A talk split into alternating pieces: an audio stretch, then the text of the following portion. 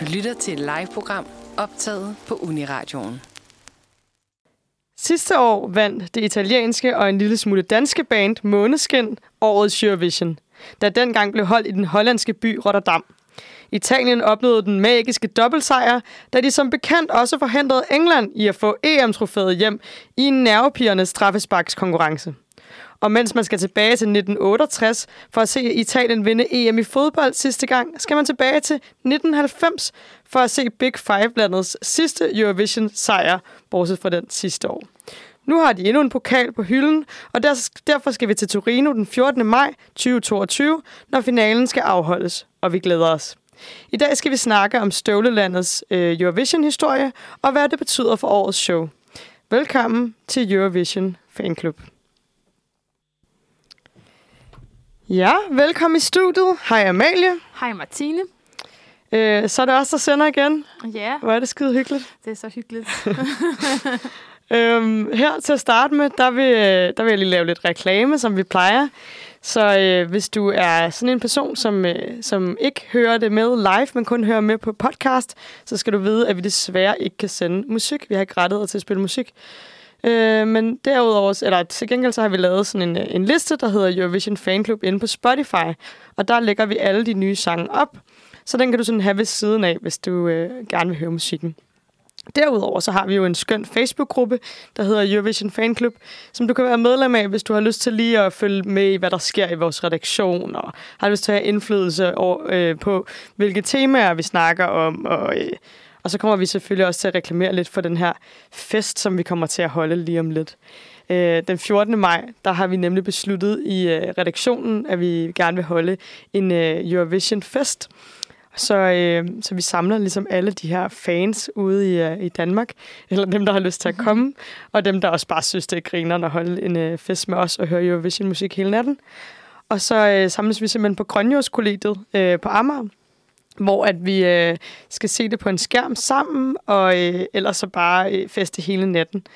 Så øh, følg med, fordi vi kommer til at lave en øh, begivenhed på øh, Facebook, jeg kan yderligere lige sige om festen, at det kommer til at være traditionen tro fra, fra mine private fester, jeg plejer at holde. Der laver jeg altid sådan øh, tre emblemer, hvor at, øh, dem tænker jeg helt sikkert også, at vi skal have med i år, hvor at det første emblem er det her øh, bedste outfit-emblem.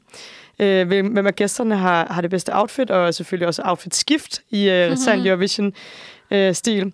Og så kan man så vinde årets quiz, årets, årets Eurovision quiz. Og øh, så den vigtigste, som selvfølgelig mm-hmm. er øh, øh, hvem der kommer tættest på top 5 i år. Så det bliver jo skide spændende. Nå, øh, hvad, hvad er dit øh, Eurovision-humør, Amalie? Ja, nu øh, havde vi jo en lille pause fra at sende i sidste uge, men så nu har jeg lige kunnet sunde mig lidt, men der har jo lige været finale i det svenske Melodi Grand Prix Melodifestivalen, som mm-hmm. jo er mhm. det, jeg går rigtig meget op i. Jeg følger trofast med i hver lørdag, hver uge, der i februar og marts, når det kører. Og ja, det var en øh, spændende, spændende finale. Der var stort øh, vinderdrama. Vinderduellen var rigtig spændende det her år, fordi vi på den ene side havde øh, Cornelia Jacobs, som jeg også var inde på øh, for på programmer siden, kan man måske huske, med øh, power midt-tempo balladen Hold Me Closer, som var min personlige favorit. Og mange var enige om, at det var det bedste valg til Eurovision og den bedste sang. Det var sådan, alle var ret sådan enige om, hun var tjent at vinde. Men så havde vi på den anden side Anders Bakke, som er kendt fra, fra Idols i øh, Sverige, hvor han har siddet og været dommer i 15 år eller sådan noget. Han er lidt sådan den svenske Thomas Blackman. og man har, ingen har altså vidst, at han kunne synge. Så man skal altså forestille sig, at det er Thomas Blackman, der, der stiller sig op og pludselig kan synge. Nej, det er vildt med. Og det, han, han vandt simpelthen mange svenske, øh, svenskers hjerte, især sådan folk, der måske går så meget op i Eurovision. Mm. Så det var rigtig spændende, hvem af dem, der skulle tage den. Hvor det var ja, den gode sang, eller ham, der havde vundet folkets hjerter. Men heldigvis fik juryen sat en stopper for øh, Anders Bakke, og det blev Cornelia Jacobs, der vandt. Det blev du glad for? Jeg blev rigtig glad. Det er min personlige favorit i år i Eurovision, og ja, det er virkelig et bidrag, jeg brænder meget for. Øhm, så jeg synes, vi skal lytte til den nu her. Vi hører lidt af den her. Ja, skøn sang. Jeg hørte den for første gang i dag, faktisk. Spændende. Jamen, det er sådan en, der bliver bedre og bedre. Ja, ja. jeg synes også, den kan noget. Og det er nok ikke sidste gang, vi hører den, den her sæson. Nej, det er det helt sikkert ikke. Den er også tippet blandt favoritterne. Ja, jeg tror, der kommer... Torino. Den kommer deroppe ikke? Jeg håber jo lidt på det. Ja. Ja. Nå, men hvad med dig, Martine? Nå, men lige over til nogen, som jeg jo håbede kom derop af, men slet Ja. ikke endte med at komme til Italien. Og det er jo Nej. selvfølgelig min, øh, min elskede fuld effekt, Ja. som, øh, som, øh, som jeg har haft glæde af i weekenden. Fordi at øh, efter at de var, skulle være med i Melodi Grand Prix, så besluttede vi jo i redaktionen, og nogen af os snakkede om, at vi ville købe til billetter til den her koncert. De skulle spille på forbrændingen i øh, fredags. Og øh, desværre, så skal det ikke være der bedre, at det var, kun var mig, der kunne til sidst. Øh, men så, øh, så lukkede jeg heldigvis øh, min søster og hendes veninde med. Og, øh, og så øh, tog vi ellers øh, til Frederiksberg, hvor at øh, Fuld Effekt simpelthen havde, havde arrangeret, at der kom en partybus og hentede os. Så, øh, så vi kom i den der partybus, og der var mega god stemning. De havde købt gratis øl til alle gæsterne, og vi blev fragtet ud til, til Albertslund, hvor at, øh, de spiller den vildeste koncert, og der var, altså, der var så meget gang i den. Det var, det var, øhm, det var sådan, der var mega meget tempo på i det hele, og man, man hoppede hele tiden, men det kunne man godt, fordi det var så kort en koncert. Mm. Øhm, og øh, der var ret meget, altså der var kæmpe hype, da de spillede deres Melodi Grand Prix øh, bud. Så der, jeg tror, det var lige dele fans af bandet, og så øh, lige dele folk, som har set Melodi Grand Prix, og som faktisk synes, de var gode der. Øhm, så jeg synes, det var altså, fantastisk. Jeg spillede også nogle nye sange, som jeg var rigtig vild med.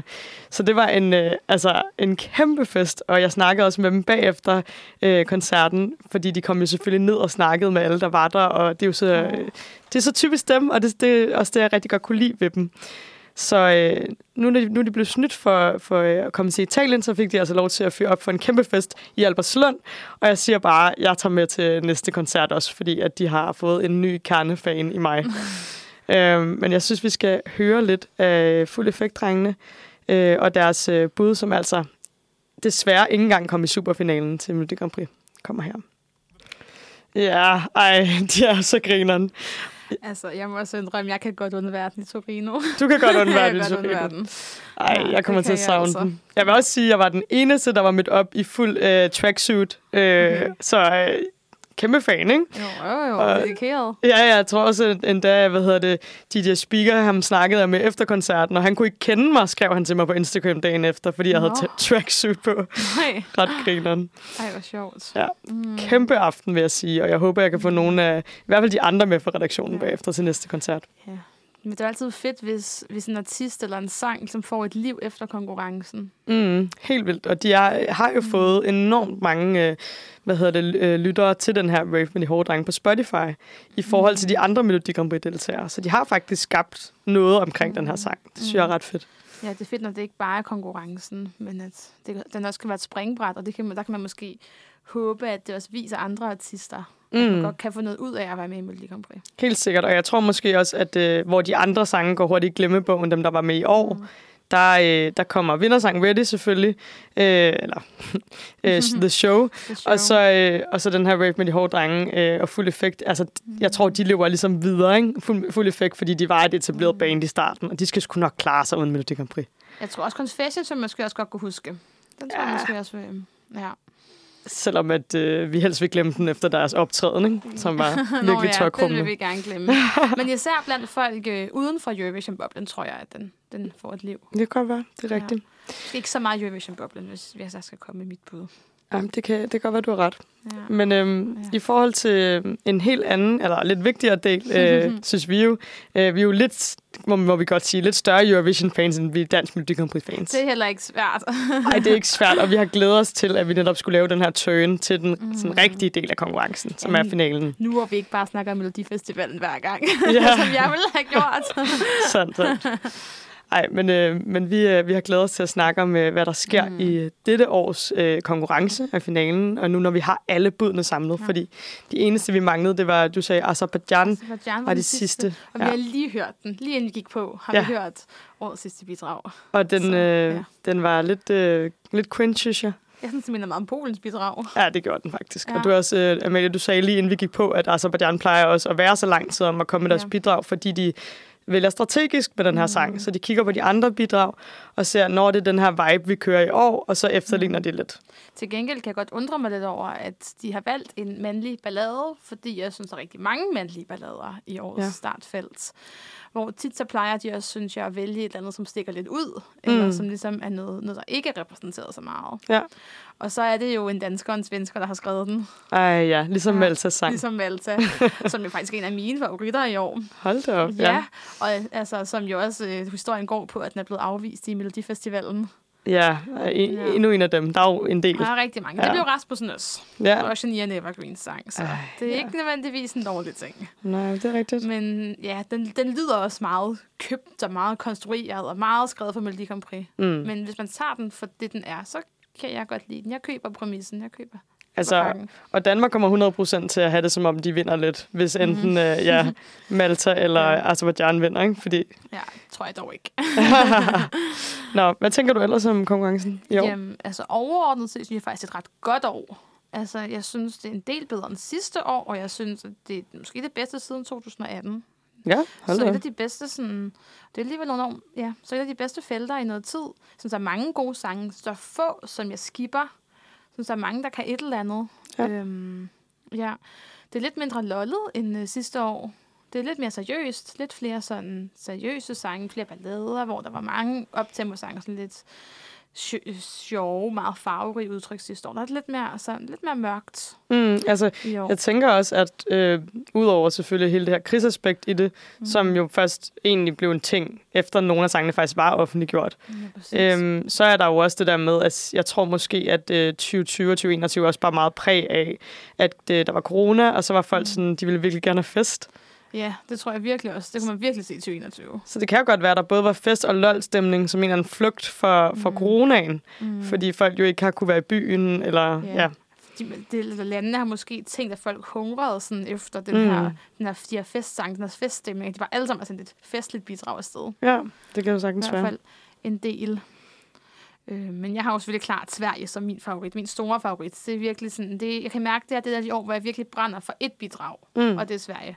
Ja. Det er jo faktisk andet år i træk, Sverige er min favorit. Det har det jo ikke altid været. Jeg har været noget skuffet over Melodifestivalen-vinderne i nogle år nu. Ja. ja det har slet ikke været min favorit, der vandt. Men ja, det er helt, helt klart nummer et. Mm. Også, også mere end uh, Tusse var sidste år. Ja. Ja. Så må vi håbe, at den også kan brænde bedre igennem, end Tusse gjorde på scenen. Ja, altså, ja, ja, fordi det var jo lidt skørt, for jeg synes, Tusse brændte godt igennem Melodifestivalen, men mm. da så kom til Eurovision, så druknede han. Ja. Så jeg håber virkelig, at Cornelia, hun øh, formår at, at fange seerne. Hun det siger jo selv, at hun, det er hun bedst kan lide at spille live, så jeg håber ligesom, at hun kan kanalisere den energi mm. i semifinalen, og nok også i finalen. Ja, jeg glæder mig til at se hende i hvert fald. Ja. Udover det, så kan jeg godt lide Holland og Østrig, og så Malta, som jeg har været inde på, nok nogle tidlige favoritter hos mig. Mm. Og Holland mm. er øh, det her, eller det er overraskende i år, fordi de ja. øh, synger på hollandsk. Mm. Ja. Mm. Ja, men det fungerer bare sindssygt godt. Det er rigtig godt nummer, meget sådan stemningsfuldt. Ja. ja. Spændende. Hvad med dig? Jamen, altså, jeg synes jo, der er rigtig mange gode sange, og jeg vurderer det, jeg hører altid Eurovision, min Eurovision-liste, når jeg er i fitness, fordi så kan jeg, ja, så kan jeg lige vurdere dem lidt, og netop som dig, sådan, sådan, hvad for nogle skruer jeg videre fra, eller hvad for mm. nogle vil jeg gerne høre, ikke? Um, og jeg startede ret tidligt med at høre listen, så nogle af de scener, der er kommet på her, dem har jeg mm. faktisk ikke fået helt ind i mine favoritter endnu. Men, øh, men jeg vil sige, at dem, der er mine favoritter indtil videre, det er helt sikkert øh, for det første Ukraine, som jo er det her øh, på nogle punkter kontroversiel favorit. Altså, det er jo ikke kontroversielt, men det er det der med sådan der er ret mange, der peger på, at den næsten er sikker allerede, at, at altså, det Ukraine kommer til at vinde. lidt tidligt, også fordi, at juryen kan godt spænde lidt ben, hvis man kan sige det sådan. Ja. Yeah. Altså, ej, jeg synes ikke, den er særlig god. Jeg håber nok ikke, den vinder. Nej. Nej, der er delte Nej. meninger i redaktionen. Jeg ja. synes jo øh, helt sikkert, at Michelle, hun, hun callede den her for lang tid siden. Det siger hun også hele tiden. ja. At nu har hun callet den, og det kommer til at ske. Ukraine kommer til at vinde. Og jeg, jeg er ikke helt lige så stålfast omkring det som hende. Men, øh, men da hun viste mig den, øh, der synes jeg faktisk, at, at rent musikalsk, der siger, mig, der siger den mig bare så meget. Altså, jeg kan virkelig godt lide den. Den kan alt det, jeg synes, en Eurovision-sang skal kunne. Det er det her med, at de har det her nationale øh, hvad hedder det, tema. De synger en sang, som er, egentlig er til deres mor, men, øh, men så bliver det metaforisk mother country, og, og handler helt selvfølgelig om den her invasion øh, af deres land, som, som Rusland har, har lavet. Ikke? Det er i hvert fald kommet til at handle om, kan man sige, for den blev valgt ja. inden krigen. Jo, det kan man sige, men det er jo siden 2014, at der har været mm, de problemer med Rusland. Så de har haft mange, mange grunde til at holde den her nationalstemning oppe. Mm. Og, øh, og det kører de virkelig. Altså, de har sådan nogle nationale dragter på, og så øh, hele setupet er meget sådan, ja, Øh, man må ikke sige autentisk, men det, altså, der er meget sådan kultur i det, kan man mærke. Det er i hvert fald nogle gange et svært begreb at tage ind, det der autentisk. For Ja, hvad, lidt. er, hvad er autentisk egentlig? Ja, det er rigtigt, men, men man kan sige, at det er i hvert fald en, en masse sådan lidt... lidt øh, øh, virker som sådan nogle gammeldags instrumenter, de kører sådan en lidt weirdo fløjte og øh, mm. noget lidt skørt tøj. Og så ud over alle de her aspekter, som jeg synes er mega fede, der giver en kæmpe kraft og energi i sangen, så er det også rapmusik, og det rap i Eurovision er jo bare noget, jeg ikke kan stå for overhovedet. Og der kommer sådan en fyr ind i sådan en helt pink hue og rapper, og jeg er, altså jeg er færdig. Jeg synes, den er perfekt, den sang. Ah, jeg synes overhovedet ikke noget. Nej. Ej, jeg men, men, så øhm, mange, af mange gange. Vi snakkede også lige om, øh, inden at, at, at mig og Amalie er måske dem, som har de, mm. dem i redaktionen, der har øh, sådan for, mest forskellige ja. stil Ja, i det tror jeg også. Det tror jeg også. Øhm, Vi vel, har, vi har få sange, vi er begge to sådan så gode. ja, rigtig få. Ja. ja. Øhm, nå, men så min anden yndlings, øh, helt store yndling, som jeg øh, troede, den ville jeg gå med før Ukraines kom, det er selvfølgelig Italien, som vi skal snakke om i dag, som jo er øh, Mahmoud, øh, som stillede op med Soldi i 2019, øh, som så stiller op med en fyr, der hedder Blanco. Jeg ved så ikke rigtig, hvem han er, men han synger rigtig fint. Øhm, og, øh, og de synger den her rigtig, rigtig fine... Øh, jeg tror, det er en kærlighedssang. Jeg ved det faktisk Nej, ikke. Jeg har ved ikke oversat den. Men der er i hvert fald sådan meget sådan... Øh, romantisk seksuel vibe mellem de to, øhm, som jeg synes er helt vildt. Altså første gang jeg så videoen øh, i deres nationalfinale optræden, så, øh, så sker der det her moment, hvor at, øh, at de kigger på hinanden, og der kommer sådan en helt vild stemning, og Mahmoud, han river... Nej, jeg tror, det er Blanco, der river fat i Mahmouds trøje, eller omvendt. Der er en af dem, og så kigger de bare med sådan en helt dyrisk blik ind i hinanden. Og jeg er sådan lidt... Altså, det er det mest seksuelle, jeg har set i Eurovision nogensinde. Altså, det er så mm. sindssygt sexet. Mm. Og I skal seriøst gø- gøre det for jer selv, at gå ind og finde videoen, og så gå tre minutter ind i den, for det er præcis der, det sker. Altså, jeg elsker det moment. Men også fordi det er seksuelt på en anden måde, end det måske var før i tiden, hvor det mere bare var, at man tog en kort kjole på, og så ligesom Ja, altså, gjorde sig præcis. til. Ja. Altså på den måde, at det, altså, Det, hvor, ja. ja, det, det er på en anden måde. Det er mere sådan på ægte på en eller anden måde. Ja, det, det er sådan, man kan mærke, at deres, øh, hvis det er en kærlighedshistorie, jeg har ikke helt oversat den endnu, men hvis det er, så kan man virkelig mærke den helt ude i tilskueren. Ikke? Mm. Og så er, har, jeg- har jeg jo bare et sweet spot for Mam- Mahmoud, øh, som mange af os er, på redaktionen har. Øhm, nå, men mine lidt mere fjollede favoritter, det er, som jeg kalder det, det er for det første Moldova, som har den her sang, der jeg tror, den handler om at sidde i tog i virkeligheden. Ja, Øhm, ja. Som er sådan lidt, øh, du sagde, Amalie, inden, at det Ja. minder dig om støvledans fra, øh, fra julekalender. The Julekalender. ja, det var, det, det var en tanke, jeg fik i går, da jeg gik derhjemme i min lejlighed og gik og hørte sangene, og var sådan, det, det er lidt den vibe, jeg får der. Ej, men den er sådan Ja. lidt, lidt goofy, sådan lidt, der er lidt sådan en stemning af den der sang, man synger, de, den der jyder altid synger til fester, hvor de ligger sådan ned på jorden. VLTJ. VLTJ, ja, lige præcis. Ja, man skal gøre det der med armen og sådan noget. Præcis. Der er sådan lidt, lidt bøvestemning. Det er også tavligt over Ja. jyderne, men der er lidt, lidt bøvestemning. Der er også bøvede mennesker på Sjælland. Ja, det er rigtigt, det er rigtigt. Men ja, ej, den bryder jeg mig heller ikke om. Ej, men det synes Nej. jeg er så grinerende. Jeg elsker, når den kommer, når jeg er på løbebånd. og så er der en, som vi kan blive enige om, som Ja. er Irland, som er den her sang Ja. med That's Rich, hvor at hun bare synger om... Altså, der er sådan lidt en ja, sådan woman power ting mm. med, at man ikke skal nøjes med sådan nogle øh, steneren mænd, eller sådan nogle nederen mænd. Og den kan jeg også bare mærke på egen sådan krop og datingoplevelser, at den, den sidder lige i skabet i forhold til, hvordan jeg har det ofte mm. i øh, ja, Ja. datingverdenen. Der er også bare en fed ironi i den på en eller anden måde. Altså sådan, Mm. en god attitude. Ja, hun har sådan nærmest sådan nattøj på, eller sådan noget, når hun synger det er sådan lidt Ja, lort. ja, ja, ja, den er sådan fed. Ja, Den, der er ikke så mange, der tror på den til gengæld. Nej. Men det, den, den, kan vi, den kan vi godt lidt lide. Den kan vi godt lide. Vi har lidt for den. Ja, ja, vi har lidt for den. Ja, Men jeg vil så sige, jeg synes, du skal nå at høre øh, resten af sangene, det senere felt. ja det skal jeg også. Fordi jeg har det tit sådan, at jeg går først rigtig i gang med at høre Eurovision-sangene, efter Melodifestivalen er overstået. Mm. For jeg plejer næsten alle sangene også at være udgivet, og så får man ligesom på én gang, eller sådan. Ja. Ej, men det er også rigtigt. Jeg, jeg begyndte også bare lidt, lidt tidligt, mm. og så, øh, ja, jeg skal virkelig i gang nu her, til virkelig at gå i dybden, og det kommer også til at være noget, vi øh, snakker meget mere om i de senere programmer. Øh, vi skal jo nå rigtig meget her mm. inden finalen, og, og give os en ordentlig, virkelig gennemgående, øh, hvad hedder det, optakt. Så det kan også være, at vi skal dele det op, øh, hvad vi si- siger om sangene, for der er virkelig meget okay. til hver sang. Men det her det er i hvert fald her, hvor vi står lige nu. Det er det i hvert fald, det, ja. det kan jo også ændre sig en masse gange. Mm. Det, er jo, det er jo lige, hvad der har fanget os her Mm. ved, ved de første lyt, den første tid. Ja. Det er jo også altid, når man så først, når man så kommer til, til Torino, som det så skal være i år, så synes jeg altid, at der er mange ting, der ændrer sig, og nogle ting vokser og nedfalder til jorden, og ja, der kan ske meget. Yep, og øh, så øh, er der egentlig ikke sådan så meget mere, vi ved. Altså, vi har værterne og ved det i Torino, og Ja, så kommer startrækkefølgen snart. Er det dig, der sagde det? ja jeg, altså inden for et par uger, den plejer vel at komme af slutningen af marts, starten af april. Så Ja. det er inden for rækkevidde i hvert fald. Mm. Og det er vel, det er vel lidt det. Det er lidt det. Ja, så venter vi vel bare på, altså lidt på, at vi kommer afsted. Ja, Ja. og vi glæder os bare mega meget. Altså, Mhm. mm. jeg tror, jeg skal se lidt flere interviews og sådan noget, og sådan lidt følge med i optakten. Ja, Øhm, og gøre lidt mod semifinalerne. Jeg glemmer altså lidt, hvornår de er. Sådan. Men nu, gør, nu skal jeg det også, fordi jeg nemlig Ja. tror, at Danmark kommer til at ryge ud i semifinalen. Så, det tror jeg også. så man må nok hellere følge med. Det er også altid sjovt, synes jeg, at se prøverne og se hele det spil og det rum, der, sådan, der så udspiller sig der. Eller sådan det der med, okay, hvem skuffede, hvem gjorde det godt, hvem har taget noget spektakulært Ja. ja. med på scenen og sådan noget. Det er også Ja. ja. altid en stor del af det, vil jeg sige. Har også Ja, bare sådan noget sidste gang, synes jeg, det var ret griner, det der med at se deres dynamik med hinanden. Det der med, at var det i Fendi og hvad hedder han? Tix. og Tix, som der fik en eller anden lille romance blandt Ja. yeah. Green Room-bordene. Og, altså sådan det der med, at de får også et lille fællesskab, alle de der deltagere dernede. Der er meget mere, end man, man ser de der tre og en halv time, som Mm. mm. showet varer. Ja, præcis. Ja. Det bliver virkelig fedt. Og jeg glæder mig rigtig meget til at se postkortvideoer, øh, pauseshow. Det bliver skidespændende. Mm. Nå, nu skal vi jo snakke lidt om Italien. Ja, det du lige hørte en lille smule af, det er mig, der har været inde på Wikipedia og finde øh, ita- den italienske na- nationalsang, nationalmelodi, øh, som det jo hedder, fordi det er jo ikke alle, der synger på deres øh, national melodier.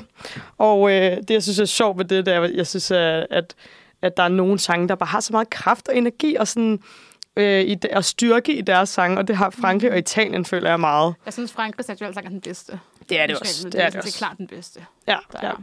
Jeg er jo virkelig sådan en, når jeg synger... øh, Jeg var til sådan noget højskolesang-arrangement, mm. hvor vi skulle synge en fædrelandssang. En dansk fædrelandssang. Og jeg, jeg er sådan en, der bare bliver sådan lidt flov, fordi jeg er sådan lidt... Ah, tag nu sammen, Ja. Danmark. Syng nu om noget lidt mere sådan... Det hele handler fandme om, om, om bøgetræer. Og, ja.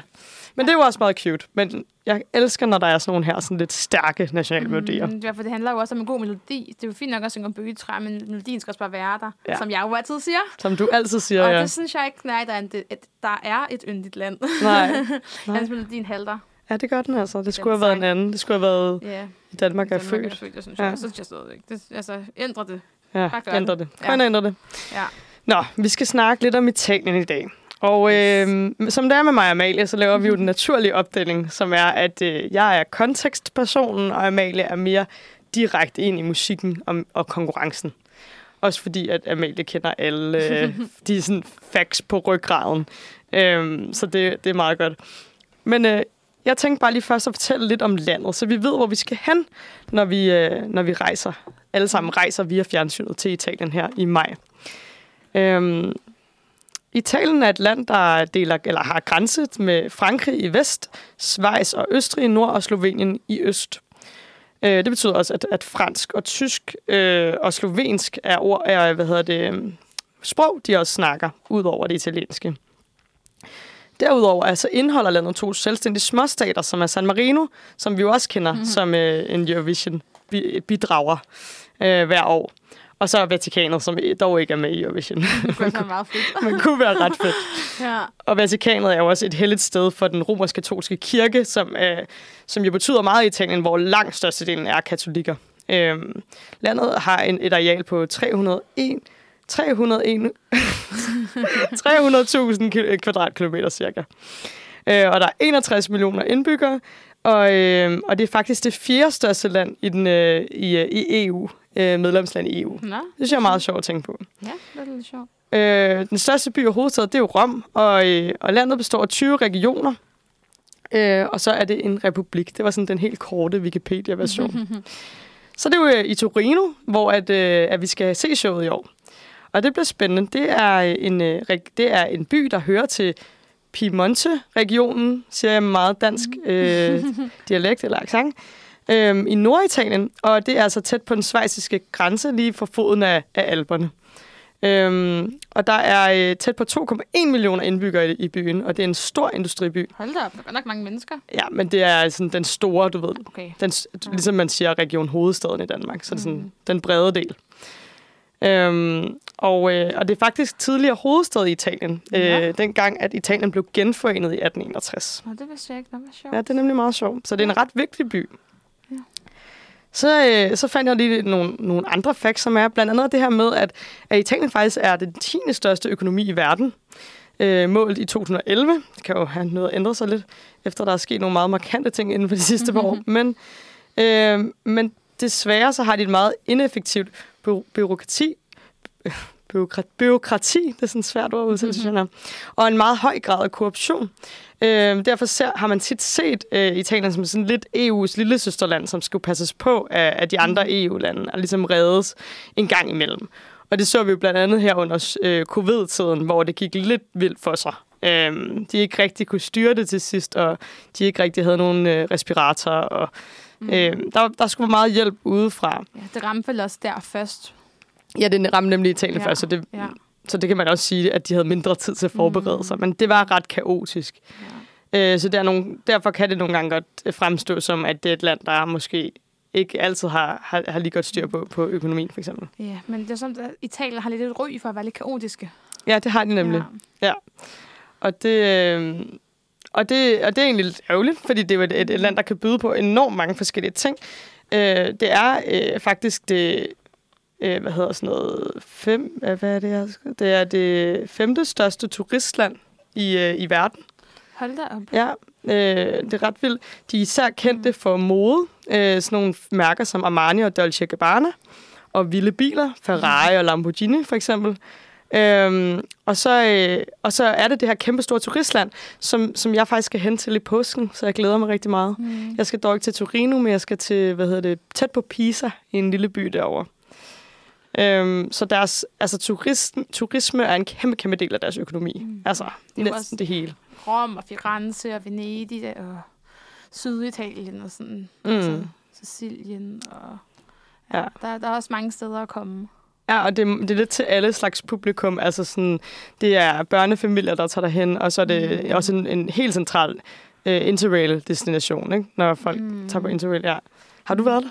Ja, jeg har været i Italien faktisk en del gange. Mm? Men jeg har aldrig været så glad for at rejse til Italien. Hvordan kan det være? Det er lidt for varmt, tror jeg. Og sådan, ja. Der er lidt for mange duer. ja, det Ja. sted, jeg har været meget med min familie, og det er faktisk bare ikke lige... Øhm, ja. Nej. Altså, jeg elsker maden. Jamen, det er, jo, det er lige det. Altså, Ja. de har jo... Altså, jeg plejer at sige, at hvis jeg skulle vælge et køkken, så skulle Ja. det være det italienske, eller i hvert fald sådan Ja, jeg middelhav, middelhavsmad. Men, men det italienske, det, altså, det kan jo så sindssygt meget.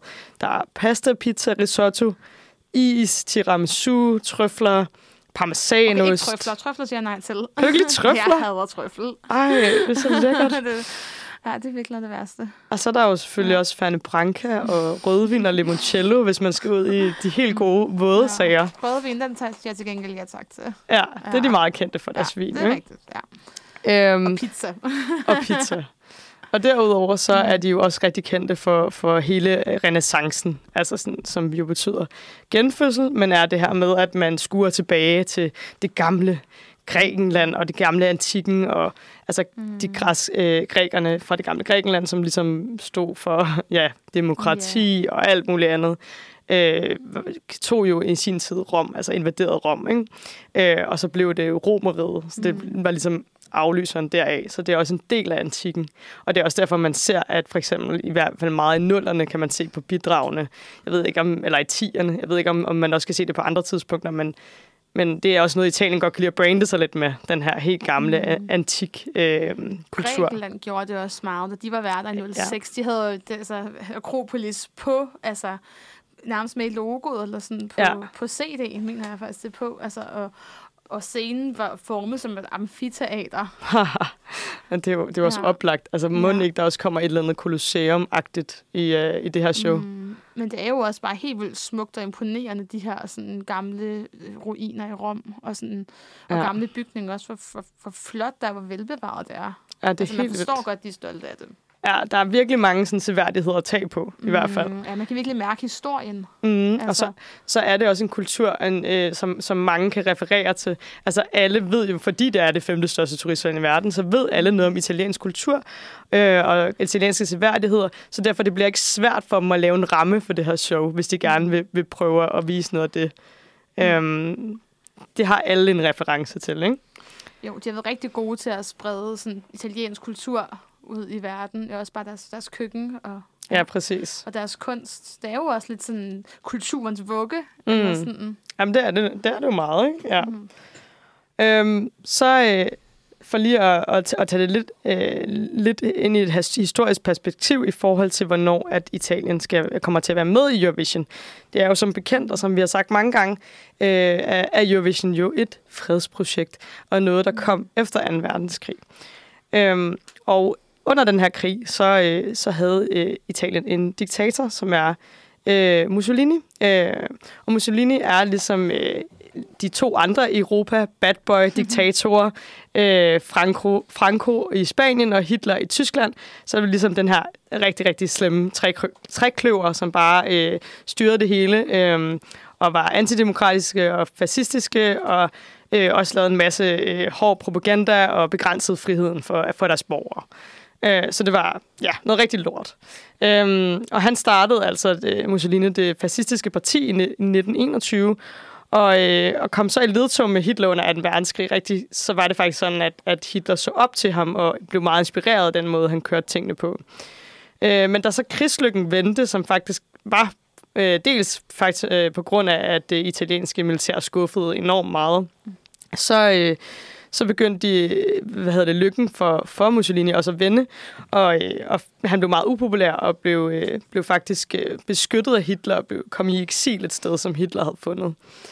Øhm, og så da krigen så sluttede, så øh, var han på vej, han prøvede at flygte til det neutrale Schweiz, hvor han så bliver øh, hængt, eller fundet og hængt sammen med sin elskerinde. Meget dramatisk. Og øh, og efter krigen, så vender Italien fuldstændig på en tallerken. Altså nu skal de være øh, venner med alle de vesteuropæiske lande, og selvfølgelig var der øh, en masse kulturel påvirkning for de her øh, allierede, som havde vundet krigen. Øhm, og øh, det skete ved, at Italien blev en demokratisk republik, og kongehuset blev nedlagt, mm. og øh, ja, kongefamilien måtte flygte. Øhm, de fik hjælp fra Marshallplanen og tilknyttet NATO, og det vil sige, at de blev... Øh, altså øh, både økonomisk, sikkerhedspolitisk, sikkerhedspolitisk og kulturelt fuldstændig indlejret i de resten af de vesteuropæiske lande. De var også medstifter af, EU øh, ved Romtraktaten øh, i 1956, altså det der, det, det, der hed, øh, det, der blev til EU. Og, øh, og på det tidspunkt så var det var de eneste lande, der var med. Det var Italien, Frankrig, Tyskland, Belgien, Holland og Luxembourg. Øhm, så alt det her, øh, det plejer vi også at sige, den her EU-bevægelse, det her med, at, at landene begynder at arbejde rent politisk sammen, det er jo øh, fuldstændig øh, indlejet i det, der sker med Eurovision, og det er faktisk det fuldstændig samme, der sker, bare på et kulturelt plan. Øh, ja. Og øh, lige som sådan en afslutning for, for det her lille historiske oprids af, hvad vi har med at gøre, hvilket land vi har med at gøre, så, øh, så synes jeg, at vi skal høre en sang, som, øh, som er øh, Italiens vindersang fra 1990. Og, øh, og den er faktisk, den har vi snakket om før, fordi det er en af de her sange, som, øh, som, snak, som laver mange referencer til, til det, det politiske ophav i Europa på det her tidspunkt. Øhm, og øh, det handler lige så meget, som det så har gjort lige efter 2. verdenskrig, så handler det her også om, at det har været øh, kold krig i lang tid, og man skal samle Europa. Og derfor så laver de den her sang Incheme 1992, fordi jeg spurgte ikke, hvorfor det er 92, men jeg ved ikke, om de umiddelbart regner med, at Europa bliver samlet efter to år, fordi det var de 90, de stillede op med sangen. Det er min fortolkning i hvert fald. Det, ja. øhm, og, øh, og jeg synes, den er skidegod. Øhm, så jeg synes, vi skal høre den. Yes, og det var øh, en shame 1992 med Toto Cotugno. Cotugno vil jeg sige i hvert ja, fald. det lyder meget italiensk. og med konteksten på plads, så skal vi dykke lidt ned i Italien som Eurovision-land. Mm. Mm. Og Italien var et af de syv oprindelige lande, der øh, begyndte med at deltage i konkurrencen, som er med til at starte det her op. Og det er mange af de samme lande, som var med til at stifte det, der blev til EU. Mm. Det var Belgien, Frankrig, Tyskland, Italien, Italien, Luxembourg, Holland og Schweiz. Ja, og man kan også sige, at det var, øh, det, altså ligesom om vi også har snakket om før, med det her med, at hver gang, at EU har fået nye lande, så er det faktisk også gået rimelig øh, parallelt med, hvem der er kommet med i Eurovision. Ja, Så det er meget de, den der bevægelse, der sker, altså ligesom da de østeuropæiske mm. lande kom ind i konkurrencen i 90'erne og 0'erne. ja, det er lidt et fællesskab, Mm. mm. som, som ligesom ja, afspejler sig flere steder. Men øh, Italien har været med øh, 46 gange i konkurrencen, og de har vundet tre gange. De har fået tre andenpladser og fem tredjepladser. Og så har de fået en sidsteplads. Og gennem tiden har Italien givet flest point til Frankrig, Storbritannien og Spanien, og har modtaget flest point fra Spanien, Portugal og Schweiz. Hvad med San Marino egentlig? Jamen, de kom jo først med i 2008. Åh oh, ja. Ja. det, det, tror jeg, det skal man også tænke på med de her, med den, her statistik, at det er ligesom taget over alle år, Mm. der altså, har været Eurovision. Så det er jo klart, at de lande, der har været med flest gange, de også har haft mulighed for at give flest point Ja, ja, selvfølgelig. Ja. og modtage flest point. Øhm. Men Italien, de finder deres øh, Eurovision-sang gennem øh, Sanremo-festivalen, som øh, bliver holdt hvert år i byen Sanremo. Derfor kalder man det Sanremo-festivalen. Og Sanremo-festivalen blev faktisk allerede stiftet tilbage i 1951, og er den musikkonkurrence overhovedet i verden, der har kørt i længst tid. Shit. Og Okay. det var i Sanremo, så i Sanremo-festivalen, at man fandt inspirationen til Eurovision. Nej, vildt. Men det, der er lidt sådan særligt for Sanremo Festivalen sammenlignet med mange andre nationale udvalgelser, det er, at man som vinder af Sanremo Festivalen altså vinder retten til at stille op. Men man skal ligesom sige ja. Det er også ret normalt at takke nej, og så er det tit andenpladsen, der får lov så at få chancen. Men det er ligesom ikke, det er ikke selvskrevet, at vinderen skal afsted til Eurovision. Øhm, blandt andet i 2016 og i 2012 har, det, har, det, har vinderne sagt nej, og så er det bare så er der kommet nogle andre afsted. Men øh, de senere år har vinderne altid sagt ja til at deltage. Så det, det er måske også, måske der er også altså, kommet en tættere forbindelse mellem Sanremo og Eurovision igen, Mm. efter Italiens øh, lange pause, som vi jo kommer lidt ind på her senere. Så de debuterede jo konkurrencens første år, 1956, hvor alle lande havde to bidrag med. Men øh, deres to debutsange er altså ikke gået hen i historien som Eurovision-klassikere. Øhm, det er den sang, de stillede op med i 1958 til gengæld, to år senere, som jo er et af de mest ikoniske bidrag overhovedet, og var også med i den der Congratulations-konkurrence og kom helt op i toppen. Det kunne godt være en tredjeplads, hvis de fik med den. Øhm, og det er jo Volare Mm. Domenico Modugno, som jo oprindeligt hed Nel Blu di Pinto di Blu, men senere så har fået navnet fordi det synger han i Ja, først i omkvædet. ja. Pleaser lige uh, publikummet der. Man bare huske. Lad Ja. mig sige, måske også. Ja, det er rigtigt. Ja. Ej, men øh, i øh, Dansk Melodi Grand Prix er der nok nogle af jer, der hørte den, fordi der øh, lavede Martin Brygman jo en parodi på den, øh, hvor at han øh, stiller sig op og ligesom synger Volarte omkvædet, og så laver han en dansk, øh, et dansk vers, hvor han blandt andet synger noget med, at vi skal lave vores egen melodi i Danmark, og så øh, laver han også lidt grin med, med italiensk kultur, og jeg synes egentlig, Ja, Altså, grænsen. Ja, det var lidt på grænsen, for som vi snakker om før, det er, jo, altså, det er noget, svenskerne har gjort meget i Melodifestivalen, sagde du, at, øh, Ja. at de har lavet de her små sketches omkring forskellige lande. Ja, så i år, der havde de for eksempel øh, et indslag, det var så en semifinale, hvor de oversatte nogle svenske Melodifestivalen-klassikere til italiensk. Mm. Mm. Og så kom nogle af dem, der har, så har lavet sangene og performet dem. Og det er jo meget sjovt. Der Ja. var bare lige, altså sådan, der var lige et vers i den her Martin Brygman-version, der var sådan, øh, vi, skal have, vi skal tilkalde alle gangsterne og øh, øh, alle Så banditter. Banditterne og, sådan, ja. og alt, der rimer på syndikat. Altså, omkring, altså som, som i, at, at, at det alt sammen var, en, var italiensk, og var typisk italiensk.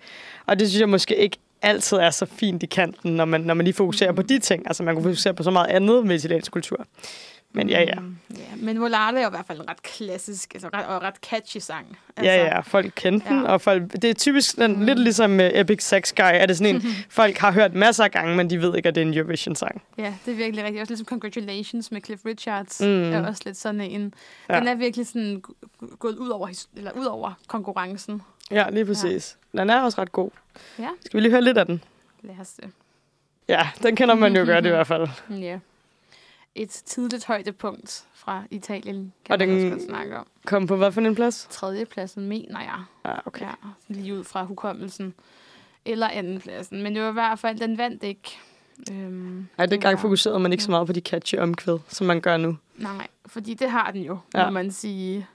Til gengæld så vandt Italien øh, lidt senere med, øh, eller i 1964, med sangen Nono Letar med Gidiola, Gidiola Cinquetti. Øhm, og det var lidt sjovt, at det år blev showet holdt i København. Øhm, og det er også en meget tidstypisk sang. Sådan, den har lidt, lidt noget sådan filmisk, sådan lidt sådan svævende over sig. Øhm, og så synger hun det her med, at jeg er ikke gammel nok. Det er sådan det, det betyder. Så det er sådan lidt en ung, uskyldig sang. Det, Lidt creepy vibes, ikke? ja, ja. Det Jeg er ikke gammel nok. hun spiller i hvert fald meget på at være en ung, uskyldig pige. Ja. Men også en meget sød sang. Hun stillede sig op igen senere i 1974 og blev nummer to til ABBA.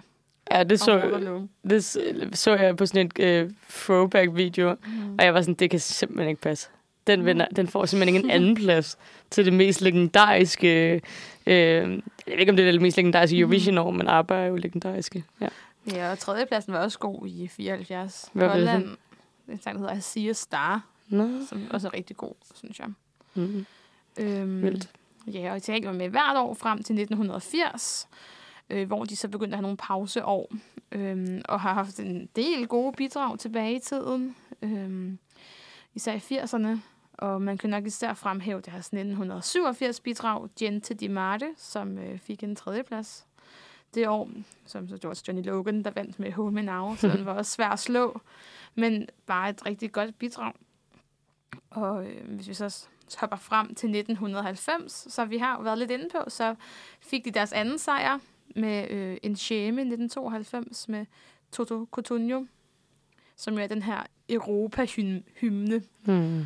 om øh, ja, det forenede Europa, og som jo ret meget en, en banger. Ja, vi snakkede, eller mm, det handler om det her med, med Europa, og, og vi snakker jo om, tit om det her med, at dengang der så var kold krig, og det hele handlede om, at man ligesom skulle samle om øh, samle det europæiske folk, så tror jeg måske også, at det er svært for andre sange at vinde, når man mm. først lige har fundet på den der sang, der ligesom øh, påtaler det, samtidig med, at det er en god sang, hvor at det kan man jo øh, drage paralleller til i år med Ukraine, Mm.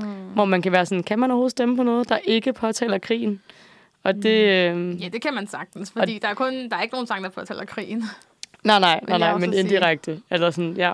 Det er i hvert fald øh, også et, et bud på en, en, en sang, som rækker ud over Eurovision, og måske vækker nogle følelser i det europæiske folk på en eller anden måde. Ja, man kan i hvert fald sige, at når der sker de her store politiske begivenheder i verden og Europa, så, så går det ind og trænger igennem i konkurrencen på Ja. ja. en eller anden måde.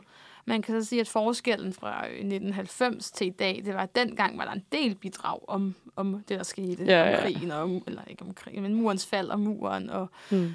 det, der var ved at ske, hvor at i år er det jo meget bare Ukraine, Ja. der, der står på den.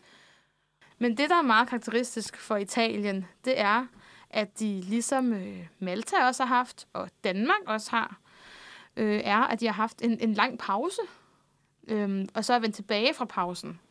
For der er jo også lande som Tyrkiet og Luxembourg og Andorra, og nu også Rusland jo, som øh, er på pause. Men de er så ikke vendt tilbage. ja, Rusland er så helt ude. Ja, yeah. Ja. det kan jo være, at Putin bliver afsat en dag, og at mm. alt bliver godt igen, og at de så kan få lov at deltage igen. Men det er i hvert fald ikke lige der, vi er lige nu, Mm. kan man jo nok godt sige. Øhm, og jeg har prøvet at researche lidt på, hvorfor at Italien meldte sig ud. For det gjorde de jo her efter 1997. Og der er ikke et sådan klart svar eller nogen sådan officiel begrundelse, men øh, de tog flere pauseår, både i løbet af 80'erne og 90'erne, hvor de så lige havde et eller to år, hvor de ikke var med, og så vendte de tilbage. Øhm, havde også en pause mellem 93 og 97. Og altså, den officielle tv-station RAI har ligesom gennem årene ligesom begrundet det med en manglende interesse i folket, eller hos folket i Italien. Og værd at bemærke er det også, at mange af Eurovision-sangene fra før 2000 øh, ikke gjorde, rigtig gjorde sig gældende på de italienske hitlister. Det kan være, at det har ændret sig nu, men i hvert fald altså gamle klassikere som Waterloo, eller um, Save Your Kisses for Me, eller um, Hold Me Now, blev ikke rigtig hits i Italien. Og ja, måske er det fordi, at Sanremo Festivalen har fyldt så meget, at det ligesom har været fokuspunktet. Mm. Øhm, men et, højt, et helt klart højdepunkt i Italiens Eurovision-historie er det bidrag, som de ligesom lukkede deres første periode af med. Deres øh, 1997-bidrag, øhm, Fiume di Parole, øhm, med Jalis, som jeg tror, vi bare er enige om er en sindssygt god sang. En sindssygt god komposition. Meget stemningsfuld. Øhm, står de har band, en sangerinde og en guitarist. Og altså, jeg kan ikke se andet, den bare er virkelig god. Fantastisk sang. Den synes jeg, vi skal høre lidt af her. Det får I fornøjelsen af nu. Ej, den er så smuk. Det er jo det, jeg taler om, når jeg taler om den gode sang. Ja. Det er jo lige præcis en sang som den her. Den kan det hele. Og det var jo Ja. så lige, at det betød floder, floder af ord. Ja, floder af ord. Fiume di parole. Jeg er også meget smukt. Vi skal lave på et Ja. tidspunkt et afsnit, der handler om, hvor jeg bare går ind og finder alle hitsene, og så oversætter dem Ja. til dansk. Og så snakker om, hvad, hvad alle hitsene egentlig handler om. Fordi nogle gange Ja. har de jo bare sådan nogle lol-emner. Ja, virkelig. Men, det er øh, jo så sjovt ved Eurovision-sangen. Ja. Og det synes jeg jo også nogle gange. Det er fint. Og sangen, hvis, hvis kompositionen er god, så kan det, emnet godt bare være lidt lollet. Så, det- så er det bare det der. ja. Nå. Men ja, Fiume di Parole afsluttede jo smukt Italiens første fase i Eurovision. Og så går der jo de her 14 år, før de kommer tilbage. For jeg var 13, og jeg er fra 98. øhm, 2011 vender Italien simpelthen tilbage til Eurovision. Og det var en ret stor ting på det her tidspunkt. Altså, wow, nu, nu er de tilbage og sådan noget. Fordi det var et ret stort, ret markant land, som man har manglet i konkurrencen i de her år. Øhm, så det er en ret stor ting. Og da Italien vender tilbage, så vender de tilbage som en del af Big Five, hvor Big Four jo så bliver til Big Five. Og øhm, jeg prøver at researche lidt på, hvorfor at Italien blev en del af Big Five. Og det, jeg ligesom har kunne, kunne fortolke ud af det, har ligesom været, at det var for, for sådan fra EBU's side at please Italien. Altså, at EBU har, havde ligesom udtalt flere gange, at de rigtig gerne ville have Italien tilbage i konkurrencen. Øhm, og havde simpelthen annonceret officielt, at de arbejdede hårdt på det. Man kan også sige, det er jo det her med, Italien er jo ligesom på en eller anden måde også der, konkurrencen er startet i, og med at inspirationen jo kom fra Sanremo Festivalen. Mm. Og et land, der har vundet flere gange, og har haft mange gode placeringer gennem tiden, så det, er jo også, det, det har jo manglet i konkurrencen. Mm, helt sikkert. Øhm, og ja, de har simpelthen allerede i 2007 udtalt, at hvis Italien kom tilbage til konkurrencen, så ville de automatisk være i finalen. så det har lidt været sådan en lille, lille godbid Ja. for dem, for ligesom at gøre det attraktivt for dem at vende tilbage. Øhm, og det, de så vender tilbage med, det er en øh, jazzballade. Øhm, meget speciel sang, synes jeg. Madness of Love er den engelske titel, men bliver sunget primært på øhm, italiensk, hvis jeg husker det. er Altså ikke en, jeg sætter på særlig ofte, for det er ikke en sang, jeg bryder mig særlig meget om. Øhm, og det er lidt sjovt, fordi den var ikke nævnt blandt øh, de store favoritter det år. Der var en masse andre sange, som var blandt favoritterne. Øh, men de ender simpelthen med at få en ret overraskende andenplads på baggrund af særlige jurystemmer, hvor de faktisk vinder juryafstemningen. Øh, og ja, 2011 var måske bare et meget uforudsigeligt år, hvilket den anden plads også viser. Men det er ikke en sang, jeg bryder mig særlig meget om. Jeg ved ikke, om du kan huske den. Det kan jeg ikke, nej. Men jeg tænker bare, at det kan være, at det var endnu en øh, måde, man kunne please Italien på. Ja, Give dem nogle det stemmer. kan sagtens være, for det er jo især blandt, blandt jurymedlemmerne. Mm. Nogle gange er der jo også en tendens til, at bestemte genre bliver favoriseret hos juryen, og jazz er der måske mange, der ser som en, en kvalitetsgenre. Ja, ja, ja. Og så er det måske ikke så vigtigt, om sangen bare er k- høj kvalitet. Nej, Øhm, lidt til de præsentøse derude. Ja, det, hvis, de, øh, hvis de ser med. Ja, det tror jeg sgu ikke. Ja, nej, i hvert fald, hvis man gør det, hvis man er sådan præsentøs, så ser man det jo altid med en ironisk distance. Ja, ja, ja. Og så er det måske ikke lige den der jazz-sang, man går i gang på. Nej, det er nok rigtigt. Distance. Men hvis man skal karakterisere Italien som øh, Eurovision-land her i øh, 10'erne, så er de ligesom generelt blevet en ret sådan stor stormagt, vil jeg sige, altså, som er helt oppe i toppen. Sammen med Sverige og Rusland er det virkelig nogle af dem, der har gjort sig gældende. Hvis i Rusland, det kommer de så ikke lige til nu, men har i hvert fald gjort det. Øh, og ligesom et af de lande, et af de lande, man altid sådan taler om på den ene eller anden måde. Og jeg har været inde og kigge på lidt statistik, og det er faktisk det land, der har klaret sig næstbedst i tierne, kun overgået af Sverige, Okay, vildt. som jo havde to sejre. Mm. Så det var, altså, Sverige er jo svær at slå. Men øhm, ja, og det er altså bedre end lande som både Rusland og Azerbaijan. Og man kan også sige, at det er jo, altså, det er jo også svært at, at vinde. Øh, altså, der er jo større chance, der er mindre chance for at vinde, når der er så sindssygt mange medlemslande, der er med nu, Mm. end der, end der var for, for lang tid siden. Ikke? Så, så det var, der Italien vandt med måneskin sidste år, så var det jo 32 år siden, de har vundet sidst. Og alligevel, Ja. så er de, ligger de i toppen ikke? Jo, på sejre. Ja. jo, præcis. Og man kan sige, at burde jo egentlig være gået 42 år, hvis, Nå ja, øh, hvis alle lande skulle nå at vinde, hvilket Mm. de jo ikke har. Så det er rimelig godt klaret. Ja. Nå, men det er også meget karakteristisk for Italien, at de næsten altid stiller op med sange på italiensk. Nogle gange med, itali- med engelske passager. Og det er noget, de har til fælles med Spanien og Frankrig. Så man kan jo tale om de sådan store romanske sprog, som stadig er meget udbredte i Eurovision. Mm. Øhm, Og også tale om et sprog, som, øh, som mange godt kan lide. Altså, Ja. yeah. er der mange, der synes, italiensk er smukt. det er meget romantisk. Præcis. Mm. Og, øh, og det er der ikke ligefrem mange, der synes om hverken dansk eller tysk.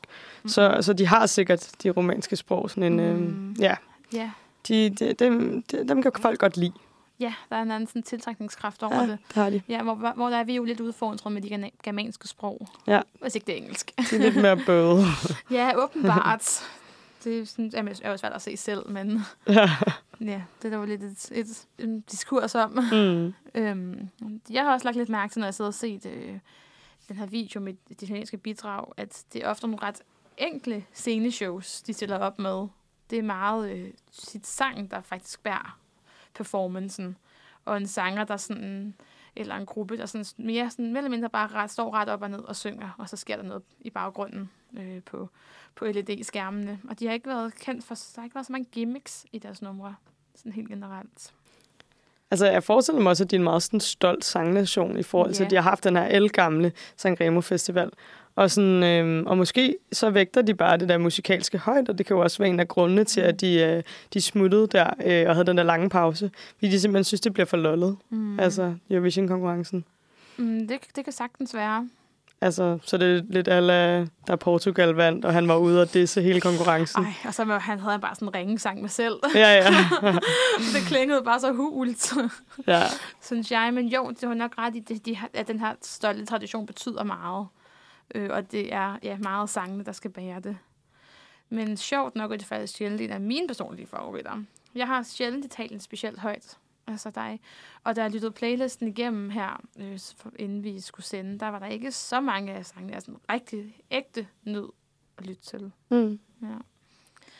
Øhm, og et af de numre, jeg ikke nød særlig meget, er deres bidrag fra 2015. Øh, Grande Amore med Il Volo. Sagt lidt på, på dansk, lidt på Mhm. dansket. Øhm, som jo er den her sådan, tre tenorer, der synger den her sådan, smørballade, vil jeg nærmest sige. Sådan, så, så, så ekstra fløde, som det overhovedet kan være. Øhm, og den bryder jeg mig altså simpelthen ikke om. Øhm, og den vand, med den vand simpelthen ser jeg afstemningen det år. Øhm, faktisk, hvilket faktisk var første gang, at seernes, vin, seernes vinder ikke vinder. Hvilket så også er sket i 2016 og i 2019 sidenhen. Men det var alligevel lidt, øhm, lidt vildt. Og det er lidt en sang, som, øh, som mange fremhæver som et italiensk højdepunkt, og meget godt kan lide, hvilket jeg ikke rigtig forstår. Det er ikke min ting. Nej. Jeg husker, jeg husker det mest for det her kæmpe øh, netop øh, show på skærmen, hvor mm. at der var øh, en masse sådan, hvad kan man sige, ja, øh, bygninger fra med, med den her øh, antik klassiske stil, øh, som er de her marmorbygninger i baggrunden. Så altså, Mm. den, på den, det var nærmest det eneste, jeg synes var godt ved, ved optræden. Ja. At det var, sm- ja, det var smukt sat op. Ja, jeg tror sådan en tenorballade, det er bare ikke rigtig lige mig. Nej. Jeg tror, der er mange andre, der synes, den var rigtig smuk. Mm. Men øh, jeg synes godt nok, det er kommet over. Så jeg, jeg vil sige, jeg var glad for, at det var øh, Heroes, der vandt det år, trods alt. Mhm. øhm, I 2017 var de, øh, det er lidt et eksempel på, at Italien måske ikke altid gør så meget af deres sceneshows. Og når det gør, så er det ikke altid, det går så godt. Øhm, de var jo store favoritter inden showet i 2017, eller i hvert fald en form for fanfavoritter, som var nævnt som en af de store contenders. Så var det jo så Portugal, der endte med at, at tage den. Men, og det er med sangen øh, Occidel... Åh, oh, det er svært at sige. Occidentalis Karma med Francesco Gabbani. Øh, og det er faktisk nok det bidrag, Italien har stillet op med, jeg bedst kan lide. Øh, I nyere tid i hvert fald. Øh, som, ja, som er sådan en ret catchy popsang, synes jeg. Men det, den er kendt for, den her sang især, det er, at der er en øh, abe, der kommer ind på scenen og danser. En gorilla, vil jeg sige. Ja, måske mere en gorilla. En, øh, ja. Og det fungerede meget godt i Sanremo Festivalen, men det blev bare virkelig, virkelig grimt på Eurovision-scenen. Ja, det så simpelthen så dumt ud. Ja. Så står de sådan og, og har sådan en koreografi, der er ens Ja. med aben, og jeg kan overhovedet ikke Mhm. forstå, hvorfor den der abe overhovedet er der. Mm-mm. Det giver ingen Men mening. også var baggrunden er simpelthen så grim, så den er simpelthen så spraglet, og alt for Ja. mange farver, og øh, billeder af aber, og sådan. Det var Ja. meget flottere i øhm, Sanremo Festivalen, hvor det var for sådan et orange lys, og så dansede han sammen med aben. Det så meget bedre ud. Ja, det er bare fjollet, når man Ja. tænker på, ja, at de netop har en stil, som er seriøs og, og uden så mange gimmicks. Ja, Altså, så skal de Præcis. lige have en gorilla med. præcis. Den blev jo så nummer 6. Ja, ja. Men, den, men jeg vil sige, at den, den floppede i forhold til, hvor favorittippet den var på forhånd. Ja, ja men øh, så kan man Den sige, her. at, øh, at det er godt, at det gik lidt bedre i 2019 for to år efter, hvor at øh, en af mine helt personlige yndling, altså favoritter af alle øh, overhovedet af bidragsyder i Eurovision, det er selvfølgelig øh, Mahmoud, som øh, også stiller op i år. Men øh, i 2019 var det altså med Soldi, som er den her helt fantastiske sang, hvor han øh, står i den her røde sk- øh, øh, guldskjort, eller sådan lidt sådan asiatisk inspireret skjorte, øhm, og, øh, og synger den her sang med, øh, hvor at, at øh, omkvædet sådan, at man klapper i takt, og der er, det er sådan lidt rap-inspireret, øhm, og det er virkelig sådan lige min stil. Og så er han også bare simpelthen så smuk og charmerende på scenen, så ham er jeg virkelig vild med. Og jeg, øh, han fik jo en anden plads der i 2019. Ja, Øhm, meget tæt på at vinde over Holland. Meget tæt på at vinde over Holland, og, og jeg vil jo gerne have, at han havde vundet, fordi jeg er virkelig ikke en arcade-fan. Nej, jeg kan jo godt lide arcade. Jeg synes, det var deres tur Mm. Ja, det siger du. i 19. Ja, jeg synes, at jeg egentlig ville gerne have, at Norge havde taget den, men jeg synes bare, at de havde lige vundet. Det var Hollands tur. Mm. Ja. Ja. Jeg synes, at, øh, at øh, Mahmoud han fortjente sejren, og øh, det synes jeg egentlig også, han gør i år. Men, øh, Mm. men ja, Ukraine må også godt vinde. Og jeg synes bare, Sverige. det er lidt ærgerligt, hvis, at, hvis at Mahmoud Ja. får en anden plads igen. Altså, ja. Jamen, skal, skal han så hellere komme lidt lavere ned, lidt længere ned i Ja, rækkerne? måske. Jeg ved det ikke. Det er bare sådan skuffelsen, hvis han ikke vinder pokalen igen. Ja, men Ja. de kan jo ikke vinde hvert år i Italien. Nej. Altså, og de er jo helt oppe i den absolute top. Ja, Og jeg synes også, altså, det skal jo heller ikke være det nye Irland, nej, nej, Altså, nej. hvor vi skal samme sted hen hvert år. Der er også Ej. noget sjovt i, at forskellige lande får lov at holde konkurrencen. Ja, ja, og de har sgu heller ikke råd til at holde det, tror jeg. Nej, ikke efter den coronakrise der. nej ja. det, det kan godt være. Men de fik én sejr, Yes. og det var sidste år. Mm. Og det var med Måneskin, med sangen City, City eh, Bueni. Øhm, og det var ikke sådan en kæmpe sejr. De vandt jo ikke hos juryen, og de kom, de kom på fjerdepladsen hos juryen. Og det var heller ikke sådan en kæmpe favorit på forhånd. Det var først omkring sådan en uge op til showet, at jeg fik den her følelse af, at det er nok Italien, der vinder. Hvor jeg ligesom kunne, kunne, kunne, kunne mærke det der. Men øhm, det sjove er jo, at de har fået kæmpe altså international, international succes bagefter. Øhm, altså, og en af de mest, mest, mest succesfulde artister uden for konkurrencen på kort tid, er de jo blevet. Øhm, og mest lige så meget på grund af deres andre sange, som, eller med deres andre sange, som deres øh, vindersang. Men de er jo sådan helt vildt. De har jo ligget på nummer på top 10 i verden. Ej, det er helt sindssygt, altså. Altså, det er jo vildt at tænke på, hvor meget de har fået ud af det show. Ej, men det er vanvittigt. Altså, de har Ja. opvarmet for Rolling Stones. De har været sådan en kæmpe Mm. tur i, jeg ved ikke, hvor, hvor, om de har været i hele verden. De har været rigtig, rigtig mange forskellige Mm. lande. Øhm, og så har de jo udgivet en masse andet musik ret hurtigt, som også har fået ret meget succes. De har ret meget succes med, at de laver de her ret vilde musikvideoer.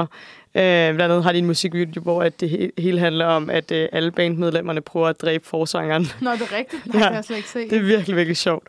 Ej. Og, øhm, og så ja, de er også en kæmpe ting på TikTok, og de er jo altså sådan, Mm. mm. de er så sindssygt store, og jeg synes også virkelig, at de fortjener sejren. Ja, Øhm, det synes jeg nemlig også. Jeg synes nemlig også, det, det var deres tur. Ja. Og jeg kunne heller ikke pege på et andet land, der hellere skulle have vundet. Nej. Så jeg sad egentlig også hæppet på dem den aften. Jeg synes, det var ret fantastisk, og især det her med at, at kunne give øh, et, et, et rockband, som de jo er, mm. øh, sejren, hvor jeg egentlig synes, det var godt. Fordi jeg synes virkelig ikke, rock er særlig godt. Det er virkelig ikke min genre. Jeg har jo godt lide rock. Øh, ja, ej, det, jeg, jeg hader det virkelig. Øhm, og jeg synes også, at øh, Finland er så for meget med alle deres rocksange. Ej, jeg synes, de var Men- gode både sidste år og i år. Nej, nej, nej, jeg kan slet ikke det. Men, øh, men, men de øh, måneskin kunne jeg fandme godt unde det. Ja, men det er også bare hele deres æstetik og hele deres udtryk og hele sådan det performative, der også er i den måde, de ligesom er et band på, der bare er så fed. Ja, altså blandt andet så har de inde på deres Instagram-profil sådan, sådan ligner lidt et albumcover, men hvor de bare alle sammen er helt nøgne. altså de, de har sådan en ret Ja. vild og også lidt provokerende stil. Ja, præcis. Og ligesom meget en kontrast til de her sådan typisk lidt konservative normer, som, mm. øh, som har hersket i Italien. Ja, det er ret spændende, når de har været på den der tur i USA, hvad folk har tænkt. Fordi jeg tænker, Ja. der er nogle stater derovre, der vil Ja. synes, det var lidt for meget. Det kunne man virkelig godt forestille sig. Der skal man helst være, være lidt mere de pæne, den pæne piger, de pæne fyre. Ja, ja, ja. Være lidt mere poleret. Ja, det er det. Så altså, det, vi vil bare helt vildt glade på, på Måneskins vegne, Mm. mm. og synes, det er helt vildt fedt, at Italien har, har kunne stille med et band, som har kunne komme så, så vidt omkring. Ja, og så glæder jeg mig bare rigtig meget til. Jeg håber, at de får, laver en eller anden performance til showet. Ja, det håber jeg godt nok også. Øhm, ja, ja. de også vender tilbage til Eurovision. ja, de kommer over til at give pokalen videre, Ja, så, så vi kommer det nok til at se de. dem på en eller anden måde. Ja. Men Ja. det er fedt, hvis de, altså, hvis de også kommer, altså, vil, an- sådan, kommer til at anerkende, det var her, vi ligesom fik det store skub ud på Helt sikkert. verdensscenen. Ja. Altså, at de ikke bliver for store til Eurovision, som Mm. Celine Dion jo lidt blev, kan man sige. Ja, ja, ja. Ja. Det er rigtigt. Men mere af det, vil jeg bare sige. Altså, Mm. ja, det er virkelig en, fed tendens, vi har øhm, startet her. Men måneskindens sejr betyder jo også, at vi nu skal til Italien. Og de har jo, det er jo deres tredje sejr, så de har været vært to gange før. De var værter første gang i 1965, efter deres sejr med Nuno Letta. Men øh, det er lidt svært at sammenligne med, fordi det var meget øh, på en, altså et, et, en anden konkurrence dengang. Til gengæld kan man godt sammenligne lidt med at kigge tilbage på deres værtskab i 1991, som jo er kendt for at være et meget kaotisk år, øh, organisationsmæssigt. Man ville egentlig have holdt konkurrencen i San Remo, men øh, man måtte ret sent rykke øh, konkurrencen til Rom, på grund af, en, øh, altså på grund af golfkrigen og krigen på Balkan, som er vel ligesom gerne have sikkerheden i top.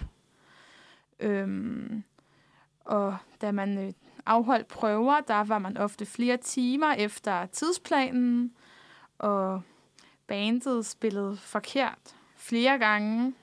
Så man kan sige, at ligesom i hvert fald, når når der bliver talt om, om øh, 91, så det er det i hvert fald noget, det der bliver fremhævet, at der var et vist kaos. Så kan man måske sige, at italienerne også har haft lidt det der ry for at være kaotiske, så er det blevet, er det blevet fremhævet ekstra meget. Det kan man jo så spørge sig selv. Men øh, de to tidligere vindere fra Italien, Toto Cotugno og Gigiola Cinquetti, var værter på, på showet. Og ja, som det jo tit er i Sanremo Festivalen også, så var showet primært på, øh, bestod primært af improviseret small talk på italiensk. Super godt. Ja, og for så... Øh, for det skulle være løgn, så var det også måske en af de mest øh, kaotiske og mærkelige afstemninger, man har haft, som jo slutter med, at øh, Frankrig og Sverige har lige mange point. Og der er stor forvirring. Åh oh, ja, det kan jeg godt Ja. huske. Det er det år. Ja. Og at ingen rigtig ved, hvad der skal ske til sidst, hvor de har lige mange point, men Carola vind, ender så med at vinde på flest titaller. Det synes jeg er grineren. Ja, så det var i hvert fald meget, et meget løst show. Ja, ja, men altså, Ja, løs Hvad- måde at organisere på. Det var også, altså hvis nu, at øh, det var Italien, der havde fundet på Eurovision fra starten af, så kunne det godt være, at det bare var stilen, der var sådan. Mm. Altså, jeg tror, de har en lidt anden måde at gøre det på, altså sådan at se tid på, og det der med, at sådan, det er meget mere afslappende, Mm. øh, føler jeg også, når man, når man rejser i Italien. Altså det her med, der er sådan en helt øh, afslappet forhold til tid, som, ja, som der ikke er i, i nogle andre dele. Også fordi, at når hvis man ser de programmer, som DR og SVT og så videre producerer, så er det altid en meget stram tidsplan, og alt er planlagt ned til mindste detalje, og så skal vi være færdige kl. 22.05, fordi der Ja. ja. kommer TV-avisen på, eller barnebil, eller hvad det nu er. Og det gør det ikke altså, nødvendigvis godt, har vi lige set et eksempel på til. Dansk Melodi Grand Prix. Mm. Det kan godt være, at, at uh, tingene sker på, uh, når de skal ske, men hold da kæft, uh, det var Mm. hvad man også dårligt værtskab. Ja, hvor at, i Italien, så er det jo tit et langt show, Mm. mm. altså, som først er slut ud på natten, og ja, Åh ja, det ville jeg ikke kunne ud. nej, Jeg ville men, blive stresset, hvis jeg så det. men, men Mundi får lov i år. Nej, det tror jeg heller ikke. Nu må de have lært. Ja. Altså, det er jo altid sådan, når man har lavet en fejl. Vi lavede jo også et virkelig kikset show i, I øh, 2001. i 2001, og så lærte vi lidt, da det skulle ske i 2014. Så ikke? lavede vi et rigtig fedt show i 2014. Præcis. Og, øh, så man lærer jo lidt af sine fejl, og de har helt sikkert også nogle rådgiver med for nogle af de andre lande og sådan noget. Præcis. Det er jo blevet meget strømlignet i dag. Ja, det er det jo. Altså, Altså, på, på godt og ondt, Ja. kan man sige. Mm. Nå, men øhm, jeg tænker, at det kunne være lidt sjovt at nå til øh, et sted, hvor vi måske kan prøve at for, forudse lidt, hvad der kommer til at ske i deres show. Altså, øh, fordi vi ved, vi ved hvad, det, hvad, øh, hvad hedder det, deltagerlandene er, så, så ved vi, øh, hvad værterne er, og, og andet, det ved vi jo så, sådan set ikke rigtigt. Altså, men det, jeg tænker, det er, at vi i hvert fald kommer til at se et show, som er lidt mere alvorligt end sædvanligt, på grund af den her øh, europæiske krig i Ukraine. Så jeg tror måske også, at, øh, at sangene kommer til, altså man kommer til at blive præg af, at nogle af de stille sange måske kommer til at få lidt flere øh, point. Øhm, og at det bliver lidt malplaceret, når der er festsange. Altså det, det kommer ikke til at passe lige så godt ind. Og jeg tror ligesom, at det kommer til, at krigen kommer til at være sådan en ting, der hele tiden er på sidelinjen, når man kan hele tiden fornemme den. Og de kommer helt sikkert også til at lave en eller anden form for statement omkring det. Enten, enten er det i voteringen, at man kommer til, at dem, der giver point, kommer til at sige eller andet. We love you, Ukraine, eller noget af den stil. Mm. Øh, men ellers så kommer der faktisk noget, en del i showet, hvor at, at der kommer noget med nogle ukrainske flag, eller øh, en minut stillhed, eller noget af den stil. Der kommer nok til at være rigtig mange ukrainske flag nede i publikum, kunne man forestille sig. Og det kunne man nemlig også ja. Forestille sig, at det altså ikke bare bliver ens eget flag, man, fra, men øh, flager med. Ja, alle også tager Ukraines flag med. Ja, præcis. Øhm, så tror jeg, at Ukraine kommer til at få en øh, rigtig, rigtig god chance for at vinde. Øhm, og, øh, og det synes jeg jo både fordi, at jeg rigtig, rigtig godt kan lide sangen. Men jeg tror også, at det kommer til at være på grund af, at den her krig, og folk kan se, at lige i år, der giver det altså ret god mening at, at stemme lidt politisk, øh, om, man, om man kan lide det eller ej. Øhm, jeg tror, at Italien kommer til at brande sig, altså man kan sige... Øh, det kan være, at de kommer til at køre, øh, at, at Måneskin kommer til at fylde i deres branding. Det ved jeg ikke rigtigt, men det kunne sagtens være. det kunne nemlig sagtens være. Ja. Øhm, og ellers så tror jeg, at Italien kommer til at brande sig på at være øh, til, men, men på nogle antik elementer, altså den her, øh, de her gamle Grækenland, oldtiden øh, elementer, øh, med nogle, nogle marmorstatuer eller eller andet i den stil. Og udover det, så ser jeg dem meget som sådan et nydelsesland, altså sådan vin og god mad og sådan noget. Så jeg tror måske også, er sol og sådan noget. Der kommer til at være nogle af de her elementer, som vi alle kender og elsker, når vi er på ferie i Italien. Meget ligesom Grækenland gjorde tilbage i 06. Ja, jeg kan virkelig forestille mig, at det, det er ligesom det, det de sådan, øh, jeg er allermest kendte for. Mm. Øhm, så, så det tror jeg, at vi kommer til at se noget af. Hvad med dig? Ja, også lidt Portugal i 2018. Det ja. også lidt af det. Ja, altså, ja, jeg synes, det er svært med det her politik-element, hvordan det skal komme til at gå. Fordi jo, vi skal vise vores støtte til Ukraine, men jeg synes også, det er ærgerligt, hvis, hvis Eurovision 2022 bare bliver reduceret til en begivenhed, hvor Europa viser deres støtte til Ukraine. Jeg synes også, vi må huske på, at Eurovision skal være noget andet end det også. Mm. Og det er rigtig fint, at vi er bevidste om krigen. Selvfølgelig skal vi snakke om det. Det vil ikke give nogen som helst mening ikke at nævne det. Det skal nævnes, og det skal også nævnes flere gange og, Ja. ja. og være gennemgående. Men jeg synes også, det ville være synd, hvis det bare var, så spiller vi nogle sange, og så er det selvfølgelig Ukraine, der vinder. Mm. Altså, at vi må også ligesom huske, at det er en musikkonkurrence, og at for, grunden til det fredsprojekt, det er, fordi vi alle sammen mødes og hører, hvad hinanden har at byde på, og Mm. hvad der kommer fra de forskellige lande, og at det ikke bare handler om at stemme på de bestemte lande, fordi at altså, er svært for dem. Nej. Altså, Det kan jeg godt se, at der er selvfølgelig også hele det der element, der hedder, at hele verden har været igennem en coronakrise. Mm. Øhm, den kunne også godt være, at den kom til at fylde et eller andet med det. ja. Det ved ja. jeg ikke. Det er jo også der med, at coronaen er jo nærmest glemt i Danmark i hvert fald, sådan, Ja. som, som noget, der fylder af vores hverdag. Den er meget ude af billedet, men det er den jo nødvendigvis i mange af de andre europæiske lande. Man kan sige, uanset hvad, så har øh, Eurovision, øh, kommer, kommer Eurovision til at leve op til det ansvar, der hedder at samle Euro- Europa mm. om et eller andet. Mm. Om det så bliver om, øh, om øh, mere sådan direkte øh, kommentarer til, hvad der sker, eller om det bliver mere indirekte ved at snakke om kærlighed, fred, øh, Ja. alt det her sammenhold og sådan noget, øh, vi har i Europa. Ja. Forhåbentlig en god blanding. Mm. Og forhåbentlig ja. også bare fokus på god musik og gode performances. Og mås- også, at det måske bliver en, en spændende konkurrence, hvor der er nogle forskellige contenders, altså, som, som har en chance. Mm. Ja, Helt sikkert. det håber jeg på. Yes. Ja, og at Sverige måske vinder. Men Ja. ja. ja, Det gør jeg jo tit. Men især i år. Mm. Nå.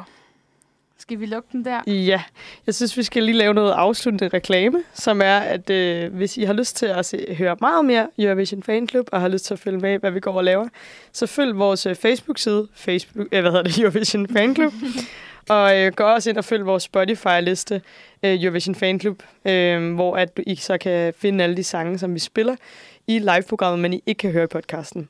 Så kommer vi til at holde fest den 14. maj, og øh, altså, vi kommer til at fortælle meget mere om det, men det bliver noget med, at man, at man kommer, og så ser man hele showet sammen, og så fester man hele natten og hører en masse god Eurovision-musik. Og øh, så vil jeg gerne slutte af med et lytterønske. Og øh, den, der har kommet med lytterønsket, det er selvfølgelig vores, øh, vores elskede, Victor fra Vandløse. Og han øh, havde skrevet det her lytterønske i sidste uge, men den kom ikke med, så han får det nu. Og Victor han skriver, Hej Eurovision Fanclub. Igen vil jeg gerne høre S10. Er det noget S10? S10, tror jeg bare, siger, men det er et lidt skørt kunstnernavn. Ja, lidt underligt. Med det, det diepte. Det deep. Det diepte. Ja. Øh, som, øh, som Victor skriver, er en overraskende, og en, er en overraskende en personlig favor- favorit herfra. Øhm, da jeg hørte sangartisten komme ud og skulle synge på hollandsk, var jeg skeptisk og troede, det ville gå galt, ligesom det gjorde med Hollands bidrag fra sidste år. Den, der lød som om, at man sang øh, broccoli. Broccoli, ja, det var meget tidligt, og den fik også 0 point af seerne. Den fik 0 på kasseren, ja. Ja. ja.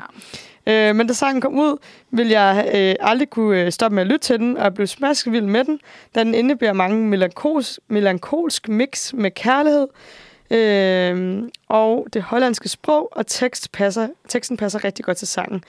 Jeg håber, I vil give den et skud, og I må godt sige, hvad I synes om den. Med venlig hilsen, øh, Victor, a.k.a. Victor fra Vandløse.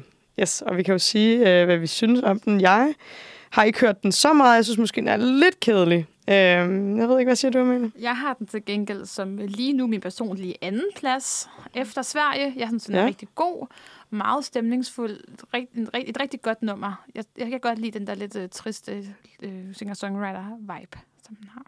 Ja, den passer i hvert fald øh, bedst, eller godt ind i det her lidt alvorlige tema ja. i Eurovision i år. Det kan man sige. Ja, men øh, vi vil jo i hvert fald bare sige tak for i aften, og øh, have det rigtig godt, til vi ses i næste uge, mandag 18-19 på uniradion.dk. Vi ses.